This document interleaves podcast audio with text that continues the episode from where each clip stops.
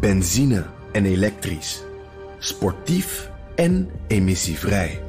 In een Audi plug-in hybride vindt u het allemaal. Ervaar de A6, Q5, Q7 en Q8 standaard met quattro vierwielaandrijving. Wat u ook zoekt, u vindt het in een Audi.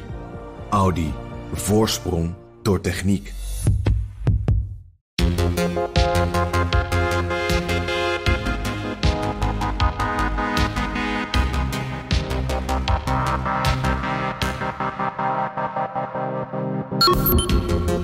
Deel van wat de, Zelensky zegt is zijn eigen bevolking moet in blijven spreken en zijn eigen strijders ook. En dan kan dit soort argumenten, hè, dit soort redenaties die hij dan gebruikt, die kunnen daaraan bijdragen. En natuurlijk ehm, eh, betekent het dat de Russen dat meekrijgen, zeg maar, en dat ze zullen proberen dat effect daarvan te niet te doen. Maar aan de andere kant denk ik dat het effect eh, belangrijker is voor de eigen bevolking en de eigen strijders. Want ja, weet je, ik bedoel, daar horen we niet veel over. Maar zo langzamerhand eh, worden die mensen langs het front eh, ook redelijk oorlogsmoe hoor. Eh, daar merk je toch ook wel. Nou ja, welke Ja. mensen worden oorlogsmoe aan de kant van Oekraïne of van de kant van Rusland? Oekraïense mensen.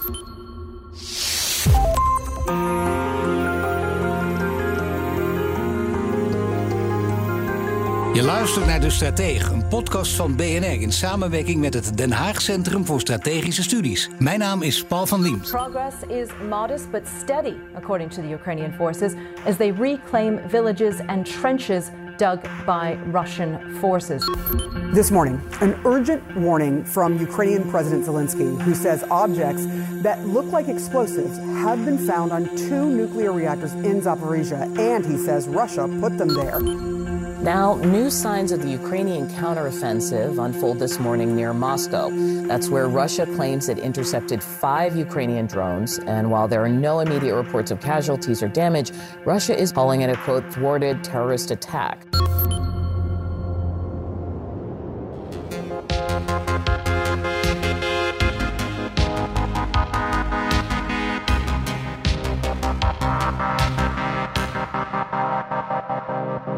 Het is nu bijna anderhalf jaar oorlog in Oekraïne en nog steeds lijkt het einde niet in zicht. Ook de gevechten rondom het front gaan hevig door en Oekraïne bemachtigt langzaam maar zeker meer grond van de Russen in het oosten en het zuiden. Eén ding is zeker, zowel Rusland als Oekraïne houden vol en geen van beiden lijkt op te willen geven. Maar hoe lang houden ze dit nog vol? Zou het kunnen dat underdog Oekraïne toch deze strijd gaat winnen? En waar komen we dan in terecht? Dat ga je horen in deze aflevering van de Stratege van mijn twee gasten. Peter Weiniga, defensiespecialist van het Den Haag Centrum voor Strategische Studies. En Frans Ozinga, hoogleraar oorlogsstudies aan de Universiteit Leiden. Before I even arrive at the Oval Office, I will have the disastrous war between Russia and Ukraine settled. It will be settled quickly. I will get the problem solved and I will get it solved in rapid order. And it will take me no longer than one day. Ja, heren, vandaag gaan we terugblikken op het afgelopen half jaar. En in januari sprak ik jullie ook in dezelfde podcast, ook in dezelfde samenstelling, met de vraag: wanneer wordt de oorlog beslist? Alsof je daar zo makkelijk natuurlijk een antwoord op kon geven. Nou, dat was toen ook nog niet zo makkelijk. We zijn nu een half jaar verder. En dan kun je misschien wel terugkijkend even zeggen: wat, wat heeft je het meest verbaasd in deze oorlog tot nu toe? Peter. Ehm, af en toe hoor je eh, commentaar van mensen die zeggen van eh, de, de- NAVO of het Westen laat, eh, Oekraïne een oorlog voeren die ze zelf nooit zouden hebben gevoerd. Ehm, dat klinkt beschuldigend, maar feitelijk is het wel waar. Ehm, wij zouden een oorlog heel anders voeren. En de oorlog die we nu zien, met name door eh, ja, toch wel de afwezigheid van bemande luchtvaart, laat ik het zo maar zeggen, het luchtwapen, is een oorlog die wij niet zouden voeren, inderdaad. Ehm, en dat zo'n oorlog nog bestaat, nog van- kan voorkomen, dat heeft me wel eh, verbaasd. Ehm, en dat is eh, ja, eigenlijk ook eh, een van de grote drama's van deze oorlog. En voor de grote drama's, omdat het ook heel veel burgeroorlogen, de burgerdoden telt. En bovendien ook in de top 10 nu al, want zo wordt er steeds met lijsten gerekend, ook al hier van meest bloedige oorlogen van deze eeuw. Ja, wat je ziet is dat kijk, het, het enige manoeuvremiddel wat beide strijdkrachten eigenlijk voortdurend in de strijd zetten, dat is de tank. En eh, in de lucht hebben ze eigenlijk niks, of ze gebruiken het niet. Hè? De Russen gebruiken het eigenlijk niet. Ehm, en dat betekent dat er daarna als het, eh, overblijft eh, elkaar bombarderen met 155 mm granaten, die enorm veel verwoesting aanrichten. En op de grond niet alleen burgerslachtoffers veroorzaken, maar ook duizenden, honderdduizenden militairen. En ja, dat is wel een groot drama. Dat is wel iets wat me verbaast heeft, dat dat nog kan in deze tijd. Ja, dat is inderdaad een verbazing die, die we van tevoren niet hadden ingecalculeerd, als ik het zo mag omschrijven, Frans. Want de meeste experts, ik weet niet hoe het in jouw geval is, want zo precies kunnen we jullie natuurlijk ook weer niet helemaal volgen en, en nagaan. Maar behoorde je ook tot de experts die, die hier verbaasd over waren en dit dus totaal niet zagen aankomen? Nou, dat begint al uh, maart vorig jaar eigenlijk. Hè. De New York Times heeft het mooi ingekopt. Die zegt ook van het, het, falen van Rusland om het uh, luchtoverwicht te bevechten en te behalen is een grote strategische factor geworden. Waardoor je vervolgens in default uh, in een in slijtageslag, een attritieoorlog uh, terechtkomt. Dat heeft ons verbaasd, want we wisten ook dat Rusland 1500 vliegtuigen had. En nog steeds hebben ze 400 vliegtuigen. Waarschijnlijk aan de Donbass-kant staan. En toch vliegen ze niet meer dan 250 sorties vluchten per dag. Dat is minder dan de NAVO vloog in 1999 boven Kosovo. En dat was een vredesoperatie. Ja. Dit is een grootschalige operatie. Het is echt een grote oorlog in een gebied zo groot als, groot als Frankrijk. Dus het is uh, heel merkwaardig dat Rusland dat eigenlijk niet doet. En dat duidt ook op dat Rusland dat eigenlijk niet bij, machten is om een gecoördineerde joint campaign, een, een, een, gemeenschappelijke campagne op te zetten waarbij zowel landmacht als luchtmacht echt uh, op grote schaal inzet, gecoördineerd ook uh, inzet. en nog steeds zie je dat. En dat is ook een van de. Je vroeg ze net: wat, wat heeft jullie verbaasd? Nou, dat zagen we vorig jaar al. Maar we dachten van: oké, okay, als dan het winteroffensief begint vanaf januari. Ze hebben weer 150.000 man gemobiliseerd. Wellicht als ze dan een keertje serieus beginnen met het bevechten van het luchtoverwicht en daarmee hun eigen winteroffensief gaan ondersteunen. Hebben we weer niet gezien. Het winteroffensief van Rusland is gefaald. Ze hebben ongeveer 800 vierkante kilometer gewonnen. Nou, strook van 20 bij 40 ten koste van 60.000 tot 100.000 slachtoffers. Dat had niemand zien aankomen wederom. Nu hadden we het eh, de vorige keer in de vorige aflevering, weet onze luisteraars ook, met luitenant-kolonel Adrie Batenburg, met de strategisch analist Frederik Mertens, hadden we het ook over het luchtruim. Omdat dat natuurlijk eh, belangrijk is, een hele grote rol speelt en dat daar veel onderschatting eh, heeft plaatsgevonden. Ook in de analyses. Oekraïne heeft dus enorme stappen gezet, krijgt veel steun ook vanuit het luchtruim.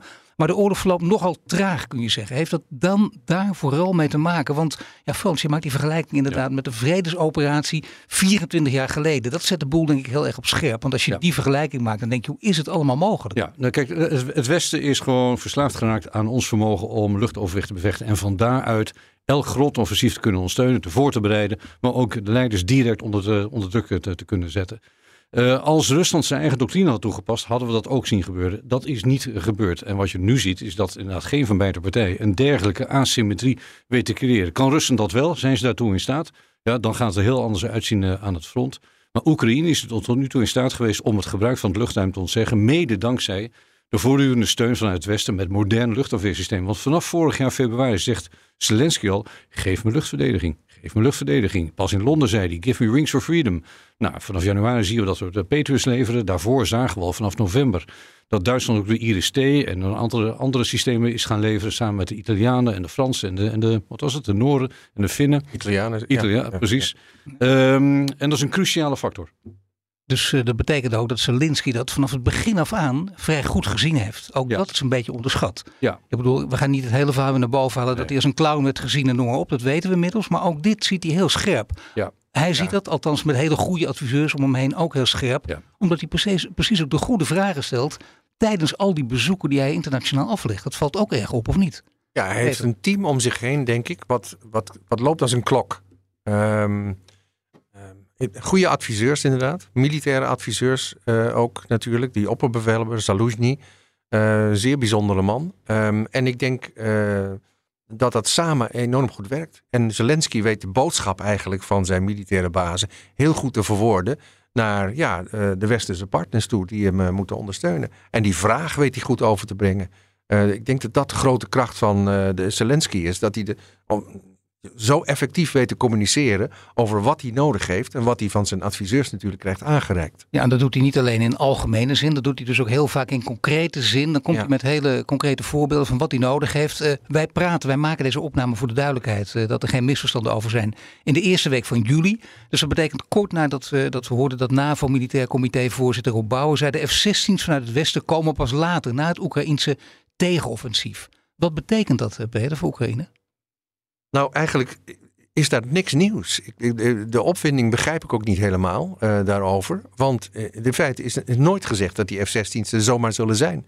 Er is altijd gezegd, ook door ons, uh, dat dat tijd kost.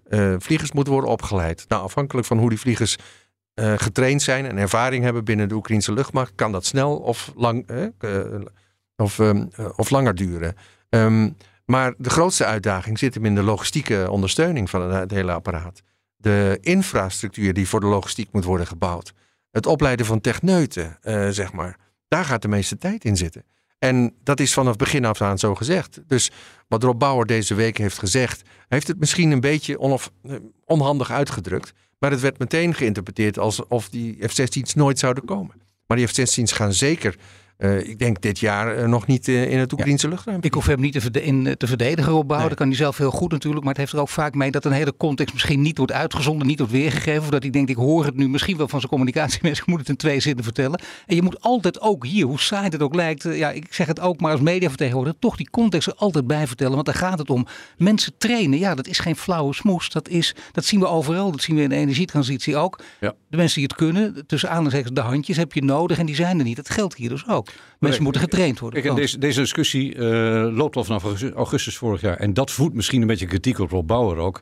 Want heel veel analisten, ook in Amerika, ook hier in het Westen, zeggen het samen met de Oekraïners van luister, geef ons nou eens tijdig dit materiaal, want we vragen er al maanden om. Ja. Deze discussie loopt al vanaf augustus. En als we destijds al waren begonnen vanuit het Westen met het trainen van vliegers en techneuten, dan hadden die F-16's een rol kunnen spelen nu al met de tegenoffensief. Het punt is namelijk dat de Oekraïnse luchtmacht intussen ook gesleten is.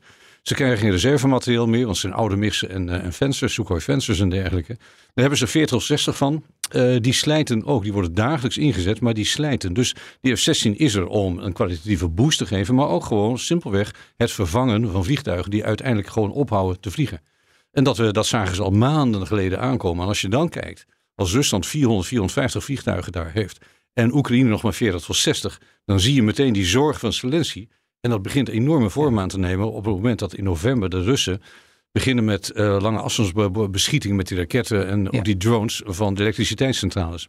En dan is de Oekraïne nog in staat om daar 80 of 90 procent van af te schieten. Maar intussen hebben ze 5000 luchtafweerraketten lucht ingeschoten om de infrastructuur te beschermen. Ja, ook dat houdt een keertje op. Dus Oekraïne zegt, geef ons luchtverdedigingssystemen, geef ons die F-16's. Ja. Daarmee kunnen we het luchtruim collectief, als je in samenwerking met al die systemen, wellicht een beetje beter zuiveren.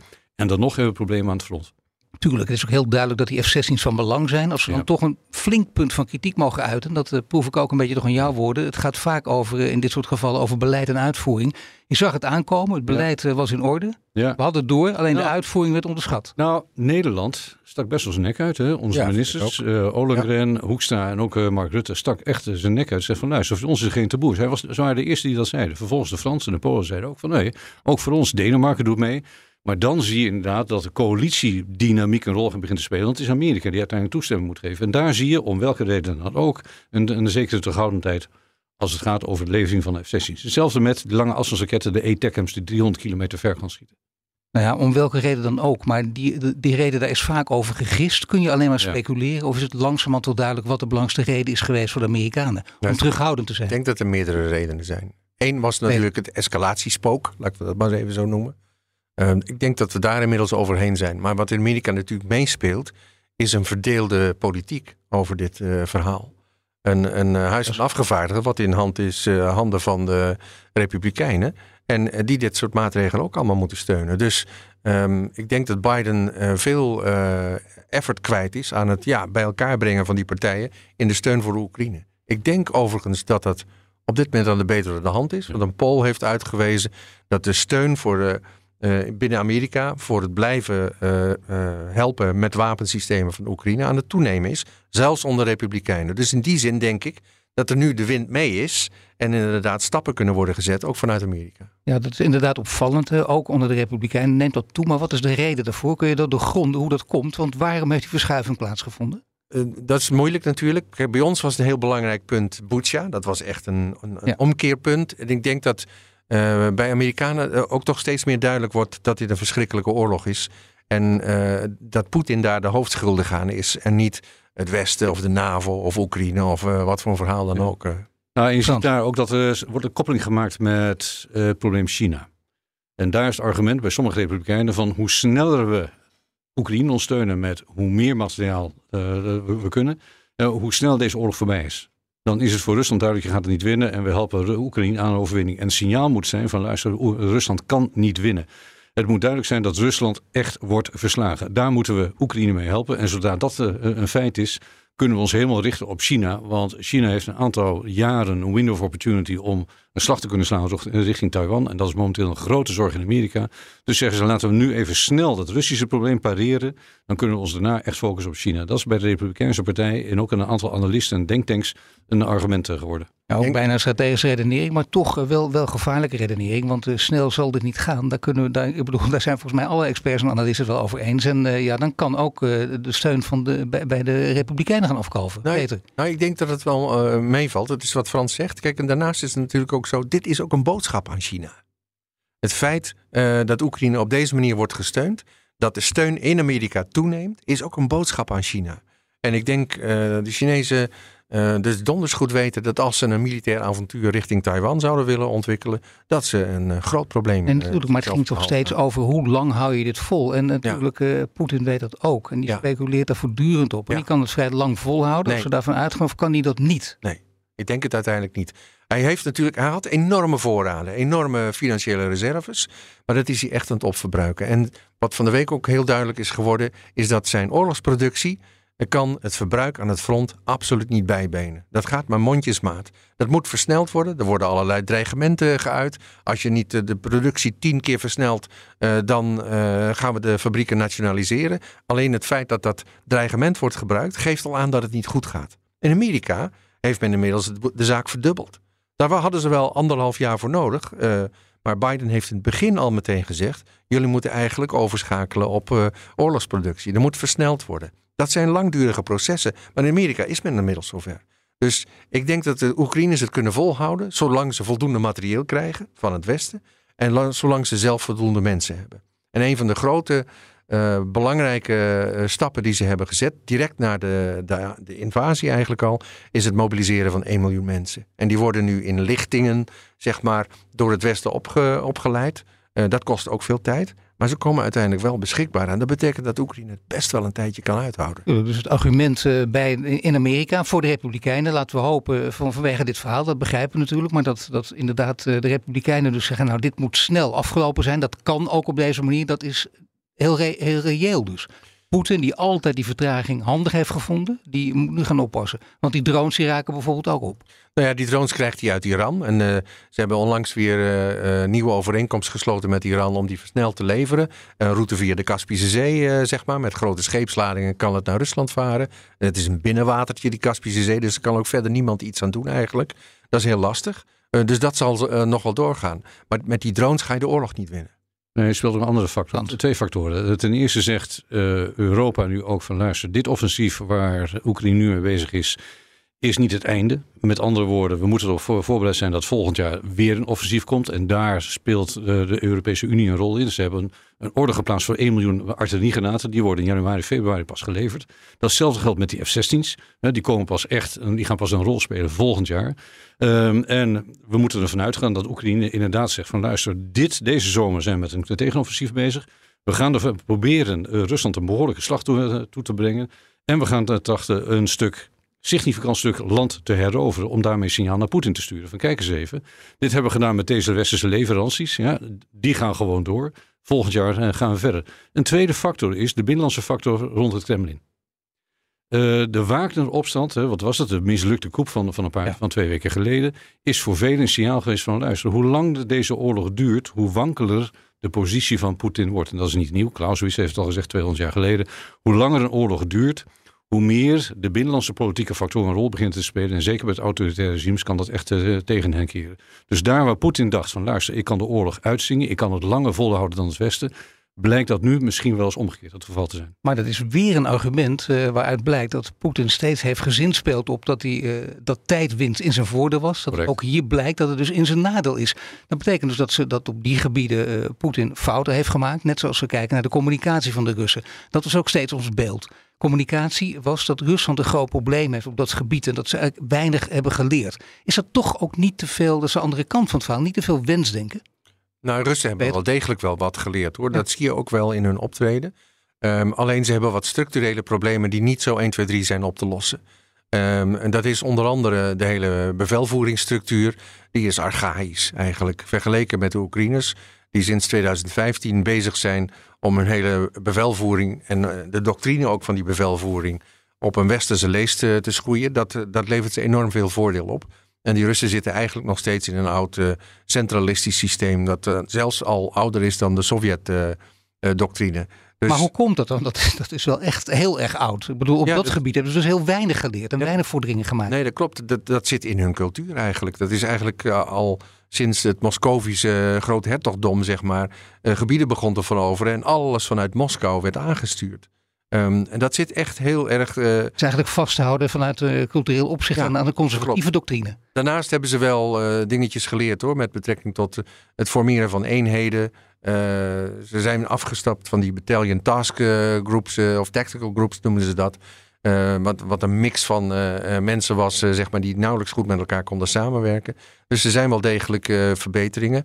Um, daarnaast zijn ze ook goed in het, dat zie je wel, daar zie je wel hun doctrine terug, in het inrichten van een de, eh, defensieve um, ja, lijn, een, een verdediging. Drie echelons achter elkaar over een afstand van 30 kilometer. daar kom je niet zomaar 1, 2, 3 doorheen. En dat, dat is wel conform hun doctrine. Dus dat doen ze eigenlijk wel goed. Frans had het ook over eh, de Wagner-opstand natuurlijk, de Wagner-muiterij. Ja. Daar worden toch ook verschillende visies op losgelaten. Uiteindelijk eh, heeft Frans al gelijk dat het, het, zijn binnenlandse problemen en die zijn uiteindelijk ja. in het nadeel van Poetin. Veel mensen hoopten al van dit is het einde van Poetin, kijk maar, die, die, die op die manier er tegenaan kijken. Er zijn ook mensen die zeggen, nou dat moet je ook niet onderschatten, want er zijn ook mensen die vinden dat juist ook binnenlands, dat Poetin het eigenlijk wel goed heeft opgelost. Oh ja, die zullen er zonder meer zijn en anders zullen ze het in ieder geval wel zeggen. Zelfs als ik iets anders zouden denken. Dat is altijd lastig natuurlijk met de Russische commentaren. Maar het, kijk, um, een van de grote uh, diensten eigenlijk die Prigozhin Oekraïne en het Westen heeft bewezen, is dat hij voordat hij daadwerkelijk die opstand ondernam en naar Rostov uh, trok, um, via een videoboodschap op Telegram heeft aangegeven dat hij de hele rationale achter deze oorlog um, ja, niet accepteert. Dat hij die onderuit heeft gehaald. Hij zegt het ligt niet aan Oekraïne, het ligt ook niet aan de NAVO. Deze oorlog is begonnen eigenlijk door de Russische elite die zichzelf wil verrijken. En de Donbass heeft leeggeplunderd, et cetera, et cetera. Eh, dat telegram, ja, weet je, uh, uh, Russische jeugd loopt ook vastgeplakt met een uh, smartphone aan hun handen, zeg maar. En die zitten voortdurend op Telegram. En die hebben dit allemaal uh, meegekregen. En die staan nu na hun eindexamenfeestje met Wagner-vlaggen te zwaaien op het plein in Moskou. Dus daar is wel degelijk iets aan de hand. Ja, maar ja, dat iets aan de hand uh, kunnen we ook in andere cijfers uitdrukken. Want ik heb hier cijfers voor me die, die aangeven dat slechts 2% van Wagner zich heeft aangemeld voor het Russische leger. Ja, en, exact. ja, dat is gigantisch weinig. Exact. En wat gaan die doen? De lui die uh, mee zijn gegaan richting Moskou, zeg maar. Die zijn zo langzamerhand naar Belarus. Dat is nou afhankelijk van de schattingen uh, 4 tot 5.000 man. Ja, zoveel en, zijn het er. Ja, ja, en dan blijft er nog 10 tot 15.000 man over. Ja, wat doen die? Ja, ik weet het niet. Dus deze jongeren die denken Poetin heeft het niet meer in de hand. Prigozhin heeft helemaal gelijk gehad. Die hele, dat is een totaal andere zienswijze ook. Ja. Die dan opeens helemaal geuit werd. Ja. Verrassend hard en duidelijk ja. eigenlijk. Ja. Dat betekent denk... dat daar wel degelijk de boel aan het kantelen is. Mogelijk, mogelijk. We weten het natuurlijk niet. Want het blijft een enorm uh, repressief systeem. Wat nog steeds goed werkt. Hè? Poetin is dan wel... Uh, ja, zijn autoriteit is afgebrokkeld, kun je rustig zeggen. Is beschadigd. Um, met name door die opstand. Maar het regime functioneert nog steeds en is behoorlijk repressief. Dus wie weet hoe dit uh, gaat aflopen. Dat is heel ja. moeilijk te voorspellen. Je ziet wel dat uh, Poetin momenteel heel omzichtig te werk gaat. We hadden verwacht, nou een gemiddelde... Kijk even naar Saddam Hussein, wat die deed in de jaren 80, 90. Enorm repressief. Ja. Enorme zuivering onder de rangen. Uh, dat zie je Poetin niet doen, tot ieders verbazing. Hij heeft zelfs mensen medailles uh, uitgereikt die helemaal niets te maken hadden met het uh, nee. neerslaan van deze opstand. Shogo heeft een medaille gekregen. Nou, die was juist, die schitterde door af, afwezigheid. Uh, Prigozhin is niet gearresteerd. Surovikin wel. En vandaag ook de, een plaatsvervangend commandant in Rostov is ook gearresteerd. Althans, die zien we niet meer. En nog maar, twee weken weg, hè? Ja, maar, ja. maar verder lijkt het erop dat hij de kool en de geit wil sparen. Hij kan zich niet veroorloven momenteel een gigantische zuivering door, door te voeren. Uh, en hij probeert nu door allerlei groeperingen weer van geld en munitie te voorzien, uh, langzaam uh, naar zich toe te trekken en daarmee weer een loyale coalitie om zich heen te smeden. En daarmee eigenlijk wat dan heet coup-proofing te bewerkstelligen. Ervoor zorgen dat er geen coalitie gesmeed kan worden die zich tegen hem kan keren. Dus wel degelijk is hij beschadigd, zoals uh, Peter ook zegt. Uh, en dit gaat lange termijn consequenties hebben. Hij kan zich niet veroorloven nu allerlei generaals te ontslaan. Want dan loopt er gewoon momenteel een oorlog. Bovendien, als hij dat zou doen, als hij Shogun Gerasimov zou ontslaan of in de gevangenis zou zetten, dan zou hij eigenlijk Prigozhin ook gelijk geven. Ook dat kan hij zich niet veroorloven. Nou, dat betekent natuurlijk wel dat aan de andere kant ook alle mensen die vanaf het begin af aan riepen, die Poetin is een gevaarlijke gek, dat, dat dat argument ook wegvalt. Want als je zo handelt op zo'n moment, dat betekent dus dat je jezelf enorm onder controle hebt. Ja, ja wij hij is wel gevaarlijk, maar hij is niet gek. Hij is niet gek, jongens. Hij is niet gek. Hij is, uh, nee, zeker niet. Nee, cool, calm, collect. Nou, nee, ik ja. zeg niet tegen jullie, nee, maar nee, ik bedoel, die geluiden werden in het begin natuurlijk wel vaak geopperd. En uh, ook dat zal onder het, het kopje wensdenken zijn gevallen. Misschien toch ook wat Zelensky zegt. Die zegt, luister eventjes, het Oekraïnse leger kan wel eens een heel groot voordeel hebben bij die uh, Wagner-muiterij. Dan noemt hij ook talloze argumenten op, ook een aantal argumenten die jullie nu naar voren brengen. Maar is dat dan verstandig weer? Ik bedoel, ook vanuit strategisch en tactisch opzicht dat hij dit soort dingen zegt. Ja, daar kun je, ik, ik snap wat je bedoelt hoor. Daar kun je natuurlijk inderdaad over twijfelen. Aan de andere kant, um, een belangrijk deel van wat de, Zelensky zegt is zijn eigen bevolking moet in blijven spreken. En zijn eigen strijders ook.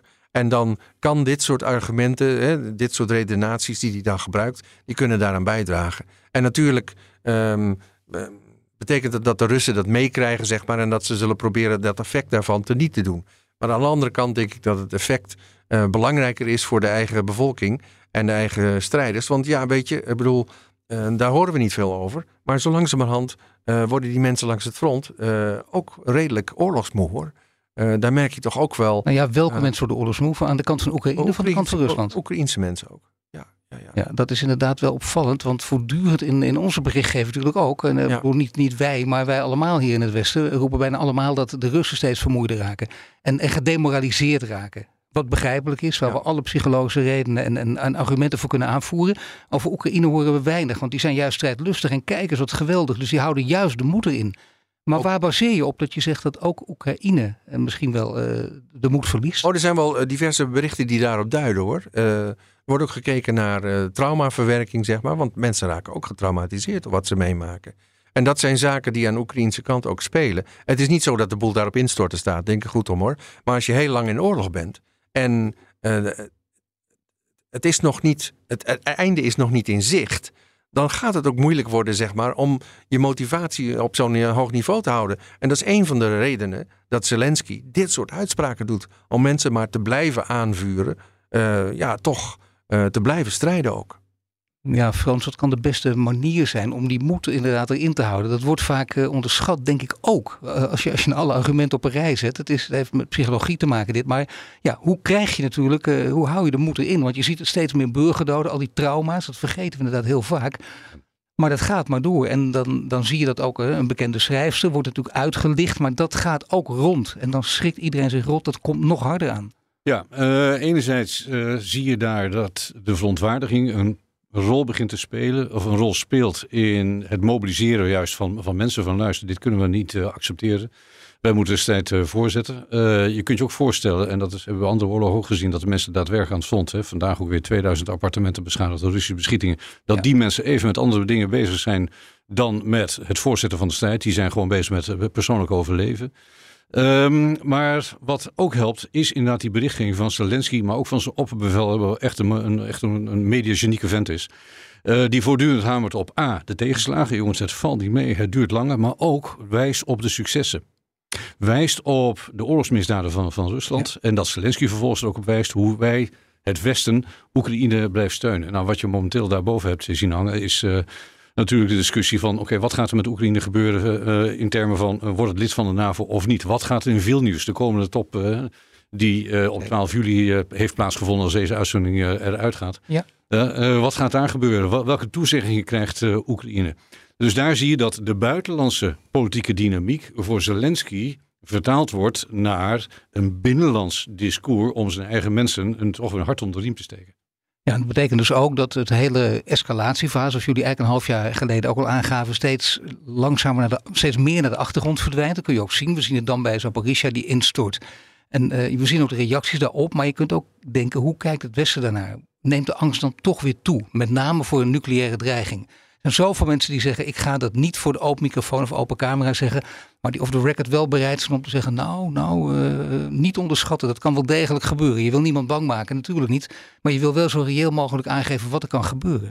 je, je kunt nooit iets uitsluiten. Ik bedoel, het kan, het kan inderdaad dat het gebeurt. De kans daarop wordt heel klein geacht. Juist, hè, we hadden het net over: is Poetin gek of niet? Poetin is niet gek. Poetin is wel gevaarlijk, maar Poetin is niet gek. En hij weet donders goed dat als hij deze zet uh, doet, dat het het einde verhaal is. Um, daarnaast um, uh, is het zo natuurlijk dat men voortdurend probeert deze kaart te spelen om, om angst aan te jagen inderdaad. Om het, met name het Westen te laten twijfelen over het voortzetten van die steun. Uh, het hele verhaal rond Zaporizhia is eigenlijk ook zo, de kerncentrale daar. Ja. Wordt voortdurend door de Russen gebruikt. Wordt, die centrale kun je eigenlijk zeggen, die is een beetje gegijzeld door de Russen. Ze hebben daar uh, vlakbij posities ingenomen. Van daaruit beschieten ze uh, Oekraïense uh, troepen, zeg maar. Ja, en die schieten dan ook wel eens terug, want die willen van dat geschiet afkomen. en dan gaan die Russen moord en brand schreeuwen, want jullie brengen die kerncentrale in gevaar. En weet je, die hele retoriek daaromheen ehm, wordt ook gebruikt om angst aan te jagen. En ja, um, het is de vraag of dat allemaal terecht is. je kunt inderdaad um, goed beredeneren, denk ik, waarom de kans dat ze uh, kernwapens uh, inzetten uh, heel klein is. maar inderdaad, nooit nul. En daarnaast denk ik de kans dat die kerncentrale in Zaporizhia wordt beschadigd wel degelijk aanwezig is. Maar de vraag is dan of dat ook meteen een groot radioactief probleem oplevert in de zin van besmetting in een groot gebied. Nou ja, dat houdt niet op bij de grens in ieder geval. Dat, dat gevaar is behoorlijk reëel. Dat weet ik ook niet. Maar dat horen we natuurlijk wel van degenen die, die daar weer voor doorgeleerd hebben. Nou, er is, vanmorgen eh, las ik een stuk van uh, op nu.nl. Waar uh, drie Nederlandse stralingsexperts zich daarover uitlaten. Onder andere Lars Robol van het RVM, die ook wel eens in de media is. En die zei eigenlijk van, als je kijkt naar vijf van de zes reactoren, die staan uit. Uh, dat ja. betekent dat de halfwaarde, zeg maar, van uh, door de halfwaardetijd van het uh, spul wat daarin in zit, is dat nog een duizendste van wat uh, ze waren toen ze in bedrijf waren. Dus als daar iets gebeurt, dan zal dat een klein probleem veroorzaken, maar zeker niet in een groot gebied. Er is één reactor die nog werkt. Dat wil zeggen, die is in een cooling down bezig. Daarvoor ja. hebben ze ook elke keer die energie nodig, uh, zeg maar. Uh, en ook daarvan kun je zeggen, dat zal een klein probleem veroorzaken. Misschien in een tiental vierkante kilometers, maar zeker geen Tsjernobyl. Nou, dan is die dreiging van de Russen, die kunnen we even, ik zeg nu het gemak, even wegstrepen. Dan heb je ook nog de kans dat het Westen, de steun van het Westen enorm zal toenemen. Want als je kijkt naar het aantal landen dat aan die 2%-norm voldoet, uh, die, die de NAVO gesteld heeft, dat zijn er maar 7 van de 32.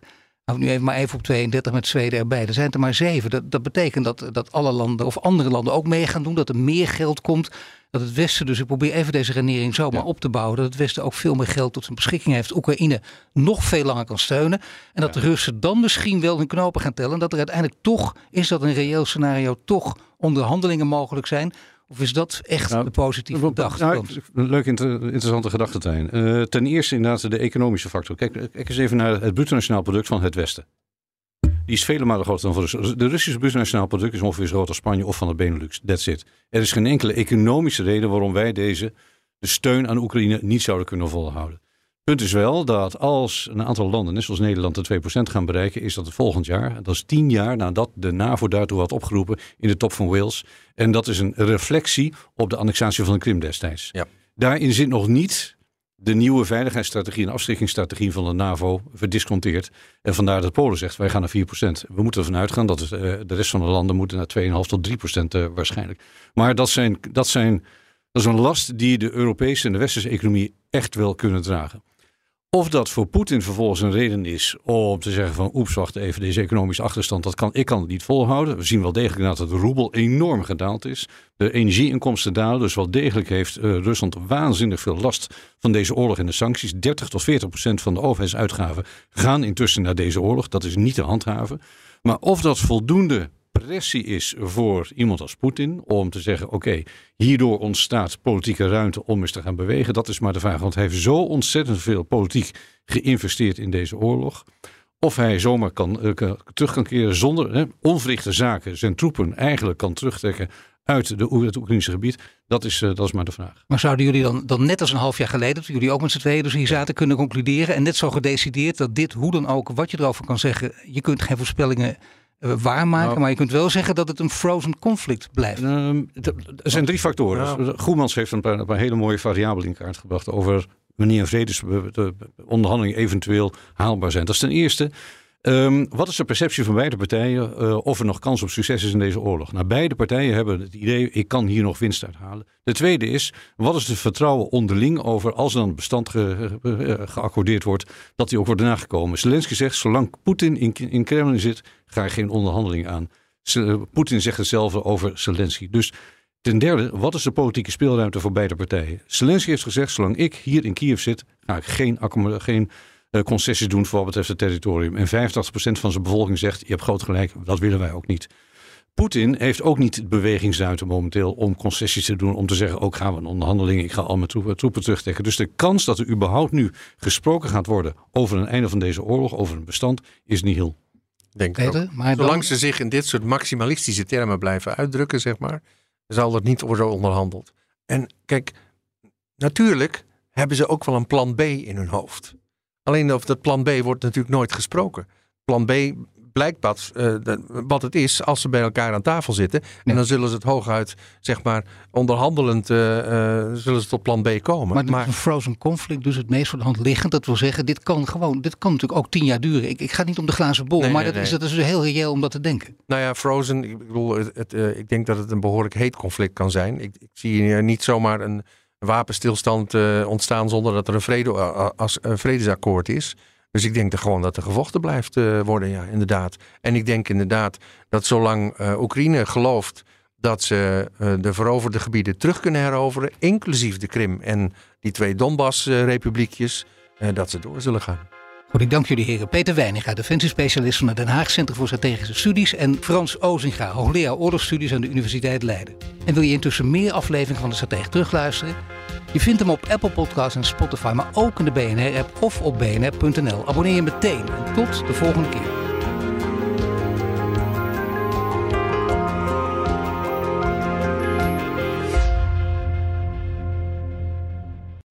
Benzine en elektrisch. Sportief en emissievrij. In een Audi plug-in hybride vindt u het allemaal. Ervaar de A6, Q5, Q7 en Q8 Standaard met quattro vierwielaandrijving. Wat u ook zoekt, u vindt het in een Audi. Audi.